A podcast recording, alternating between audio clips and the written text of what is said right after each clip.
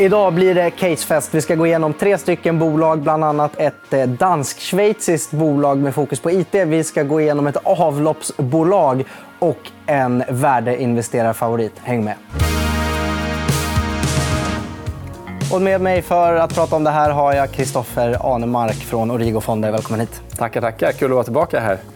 Riktigt kul att ha dig här. Eh, först och främst, eh, vi ska ju snacka en knippe bolag. IT-specialisten Trifork, avloppsbolaget får man väl kalla dem, Norva24 och värdeinvesterarfavoriten AQ Group. Också blivit lite av en Twitter-favorit. Men eh, först och främst bara avhandla. OMX är fortfarande över nollan i år.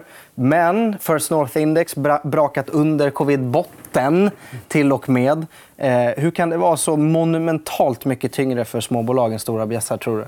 Nej, men det är ju en jättebra fråga. Någonting som vi på Rigo har grubblat mycket kring. Eh, och vi har väl kommit fram till, som jag vet att du och jag har pratat om tidigare, är att småbolagsmarknaden är egentligen en reflektion över allmänhetens eller småspararnas framtidstro eller egentligen, ja, hur, hur man ser på tillvaron. Och, eh, det har egentligen varit en otrolig serie eh, negativa event som har kommit i följd med räntestormen, med kriget i, i Ukraina, eh, liksom komponentbrister och allt möjligt som, som har gjort en egentligen den operativa miljön för de mindre bolagen otroligt stökig. Eh, jag tänker vi kan börja med ett exempel på ett bolag som eh, jag antar att du ser som ett sånt här fynd. För de har gått ner en del sista tiden. Och de heter Trifork. Och eh, vi ser nu ett litet exempel på deras kundlista. Man ser att det är en ganska meriterad eh, skara bolag. Allt från Pepsico, som är, det är ett av världens största bolag till eh, Amazon Web Services, flygbolaget Swiss, ja, svenska ABB. kan hålla på länge. IT-mjukvarubolag. Schweiz-danskt. Schweiziskt-danskt är en lite ovanlig kombination. absolut. Notera att det är på Köpenhamnsbörsen, midcap. Ja. Ehm, det är också ett sånt där bolag som vi har följt sen IPO eh, för några år sedan. När kom de in på börsen? Eh, ja, men det var också samma veva där. IPO, ja, några år sedan. Ja, 2020, 2021. Och någonstans. inte gått så bra sen dess, på Nej. börsen i alla fall. Nej, de var på börsen faktiskt ett tag innan. Sen blev de utköpta och sattes på börsen igen. Eh, men det som är så intressant i det här bolaget är att det är ett grundarlett bolag. Jörn Larsen, som är vd, största ägare och grundare av det här. Det är som ett ägarlett, väldigt entreprenöriellt bolag. Och som du var inne på, Eh, en kundlista som verkligen imponerar. Det är liksom tier one-kunder eh, över hela brädet. Eh, och man har också en otroligt fin historik. Som vi ser på, på de här bilderna som vi tagit med. Så har man ett bolag som ändå har presterat över tid som har hittat intressanta ingångar inom eh, digital hälsa, eh, finansiell teknologi eller fintech som det kallas och har också gjort det på ett lönsamt sätt. För Det är en sak att bara ha en idé eller en powerpoint som vi har märkt under, under de här åren när eh, det fanns överflöd av kapital men få idéer. Nu är det ja, kanske tvärtom. Men Trifork är ändå ett bolag som har tjänat pengar och som har vuxit lönsamt. Och Det som är så lite roligt när man som fokuserar på mikrobolag det är att man lär sig att känna igen mönster. Eh, nu har jag firar snart 15 eller 16 år som investerare. Fyller 30 här i januari. Jag började investera som 14-15-åring.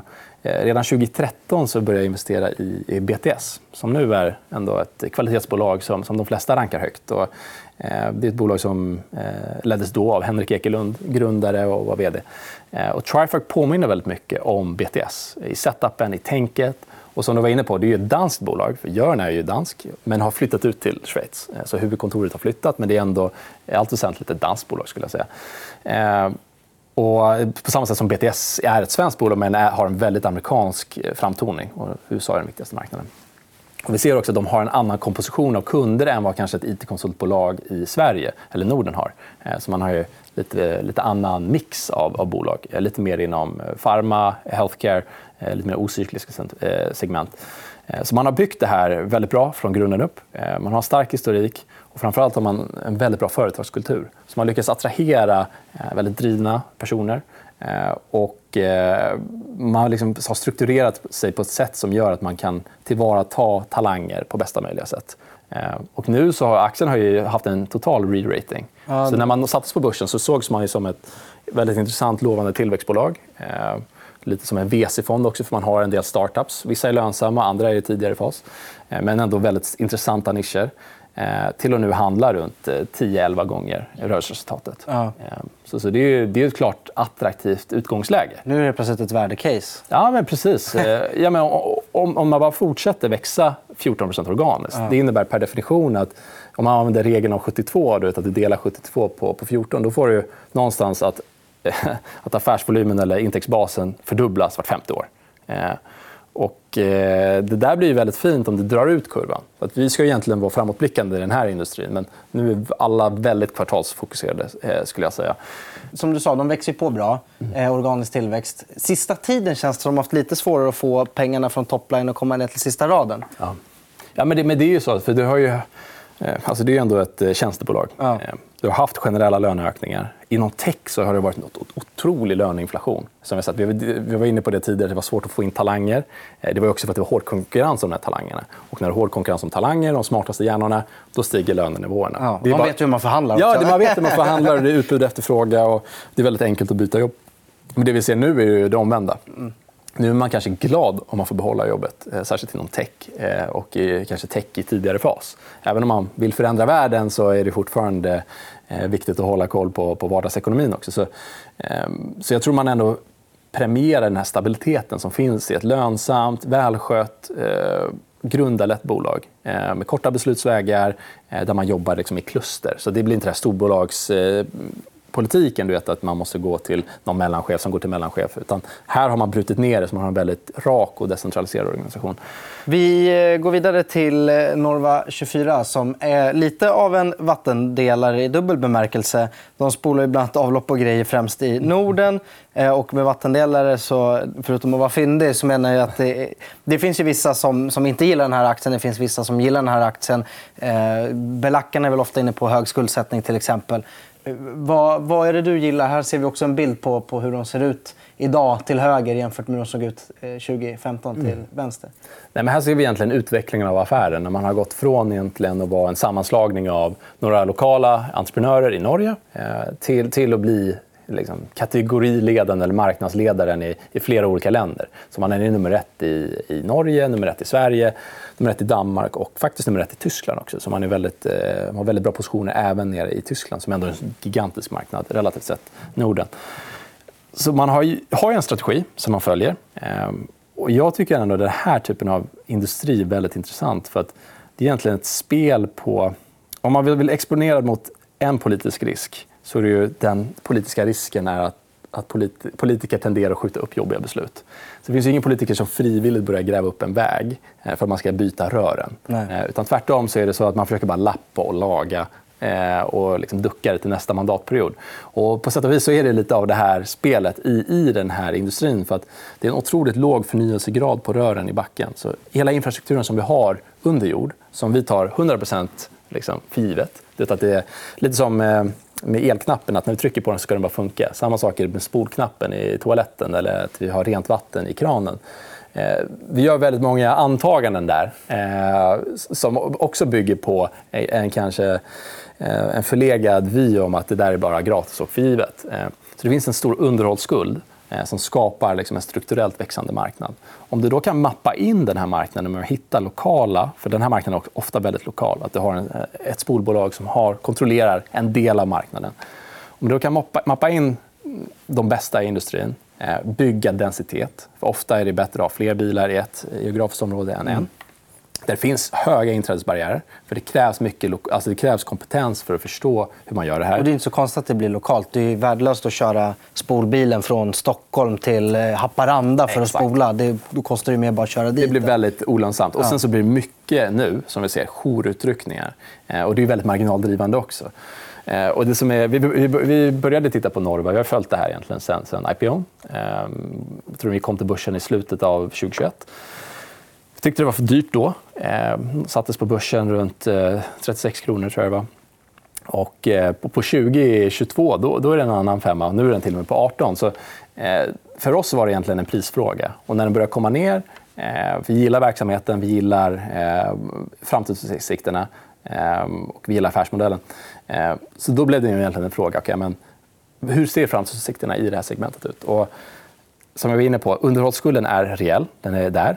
Och om vi lärde oss någonting under stormen Hans så är det att de här, när det kommer väldigt stora vattenmängder snabbt så blir det väldigt snabbt översvämningar. För att kloaksystemet är underdimensionerat. Mm. Det rinner ner väldigt mycket saker som inte ska vara i kloakerna så blir det översvämning. Och det man gör då är att ringa de här eh, jourbilarna som måste ut och köra de här marginaldrivande jouruppdragen. Eh, och om du kommer ihåg då att stormen Hans den kom i augusti. Augusti är Q3. Eh, så vi ska ändå vara framåtblickande i den här industrin. Och Q3 har vi inte sett ännu. Den kommer i november. Eh, och man har haft lite svajig marginalutveckling. Det finns olika förklaringar till det. Men en förklaring är att man har köpt bolag med lite lägre marginal än gruppsnittet. Så det ser ut som att det har funnits en viss utspädande effekt där. Men då har man också tagit de här positionerna i Tyskland. som vi var inne på. Så Det har varit en, liksom, en marginalutspädande effekt på gruppnivå. Samtidigt som det finns ändå synergier att ta över tid. som vi var inne på om du bygger densiteter in eh, i de här olika regionerna så kommer du över tid kunna utveckla affären och utveckla marginalen. Lite Peter Lynchianskt på något sätt. Ja. Med tråkigt namn, tråkig business. Eh, tickar de boxarna i alla fall. Ja, men precis. Jag gillar ju såna verksamheter som är naturligt återkommande. Ja. Eh, men, men eh, som blir lite missförstådda. Och jag skulle säga att den här verksamheten är väldigt missförstådd. Och tittar man också vad som har hänt bara i år så det har ju varit lite rotation på, på ledningen. Vdn har slutat för han fick ett toppjobb eh, på, på Lego-familjens lekplatsjätte.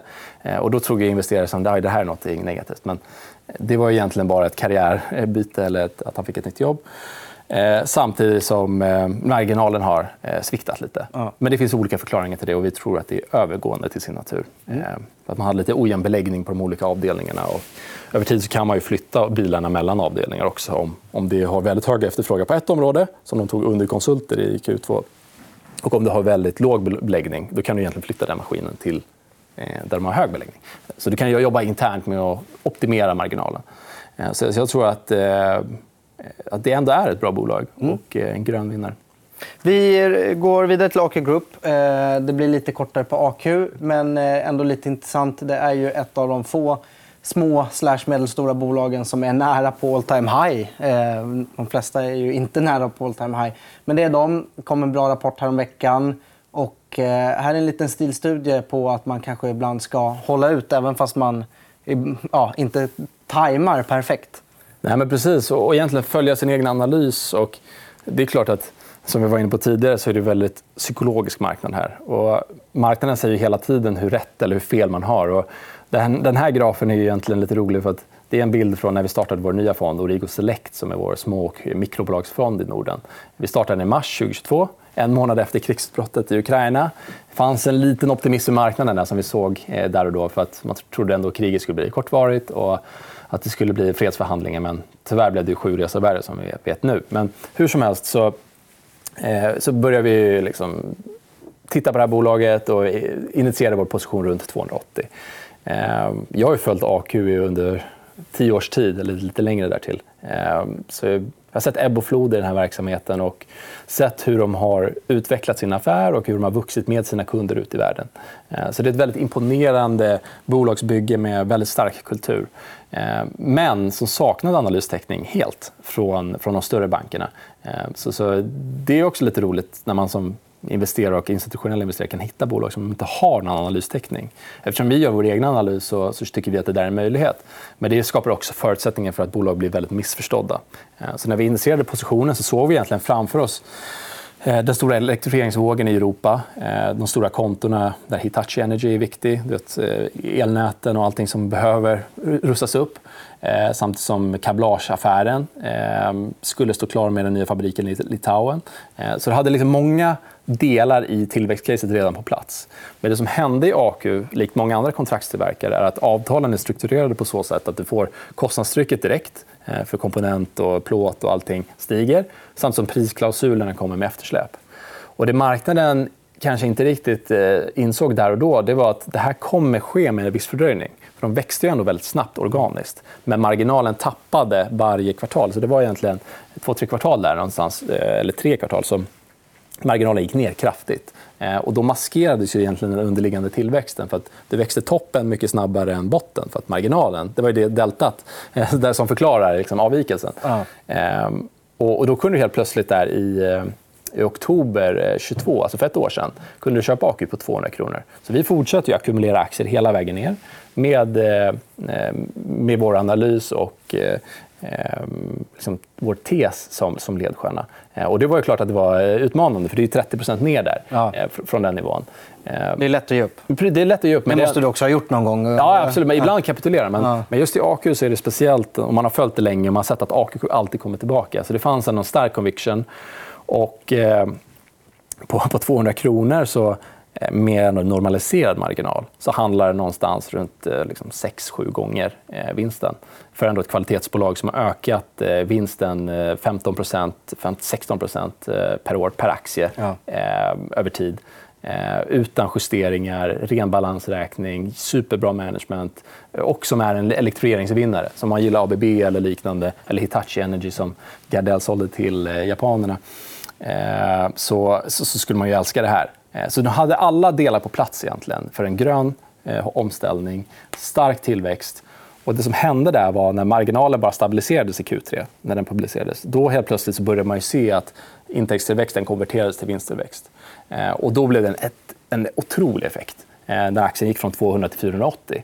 Eh, så den, den typen av case tycker jag vi har mycket i portföljen. Att vi har missförstådda bolag som står inför den där, den där om, eh, omprissättningen. Men det kan vara frustrerande som investerare att ha den här typen av bolag i portföljen. för att Bolag tenderar att bli mer missförstådda innan, innan man får eh, sin tes infriad. Ja. Eh, så det är en lärdom. Liksom, att, särskilt i den här marknaden. att Det tenderar att bli mer missförstått innan det blir innan du kanske får rätt eller fel. Ibland får man ju fel också. Det måste, det måste man vara öppen med. Eh, men då får du ändå en otrolig effekt eh, som sker snabbt i PNL. Eh, så AQ har ju vuxit vinsten något otroligt här från att marginalen stabiliserades och de fortsätter växa 30% organiskt. Eh, så bara där så har du en otrolig hävstång eh, när du kan gå från eh, liksom 6% marginal till 9 då är det 50% vinsttillväxt bara på marginaldeltat plus, vinsttillväxt, eller plus intäktstillväxten. Så rent matematiskt så blir det där en riktigt fin snurra. Eh, och utöver det så har man en stark balansräkning in i den här lågkonjunkturen. Ja, eh, ja. Så man kommer kunna köpa fabriker på obestånd, som man har gjort sedan starten 94 och, och bli ännu starkare i nästa uppcykel. Eh, och aktien handlar ju fortfarande på P12. Ja. Någonstans Price sales 0,9 ungefär. Ja, men precis. Och, så, så även, och nu gör de nästan 10 kronor i vinst per aktie per kvartal. Ja. Eh, om man då kunde köpa den för 200 kronor då, då förstår man hur lågt värderat den var där och då. Ja, ja. Eh, och sen så initierade en stor bankanalys på, på det här eh, på 450, tror jag aktien stod då efter att den stora uppgången hade kommit.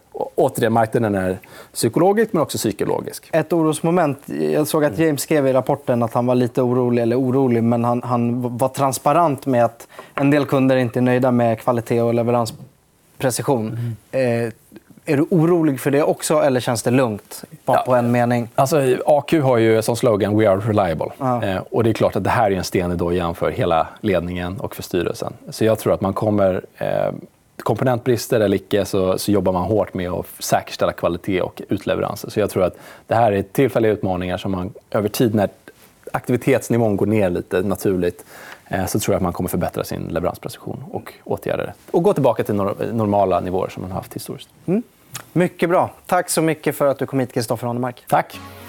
Och det var allt vi hade i dagens avsnitt. Om du har tittat via Youtube så tryck jättegärna på prenumerera-knappen och följ EFN Aktiekoll i sociala medier. Tack för att du har tittat. Hej då! Du har lyssnat på EFN Marknad, en podd som produceras av EFN Ekonomikanalen. Du hittar programmet även i videoformat på Youtube och på efn.se. Ansvarig utgivare är Anna Fagerström.